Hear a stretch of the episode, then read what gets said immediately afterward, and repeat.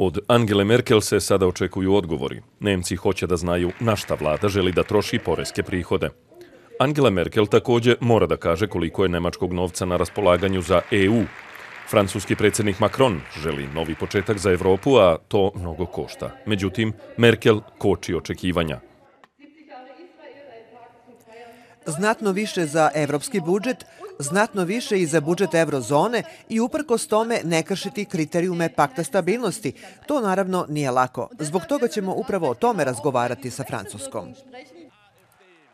AFD ne veruje Angeli Merkel. Desničari se bune. Nemačka prebacuje previše novca i moći u Brisel. Vi navijete za planove predsjednika Emanuela Makrona.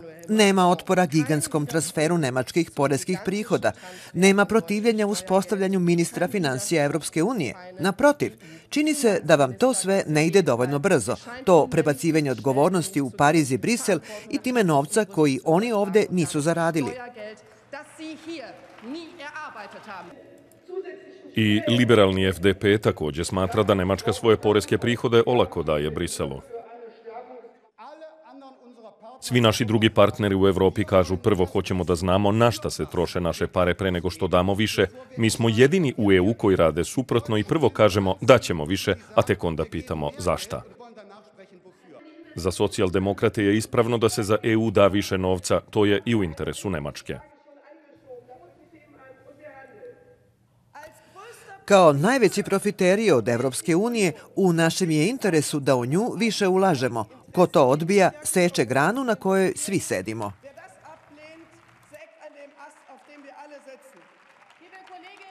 Zeleni bi hteli da Angela Merkel pokazuje više entuzijazma za EU.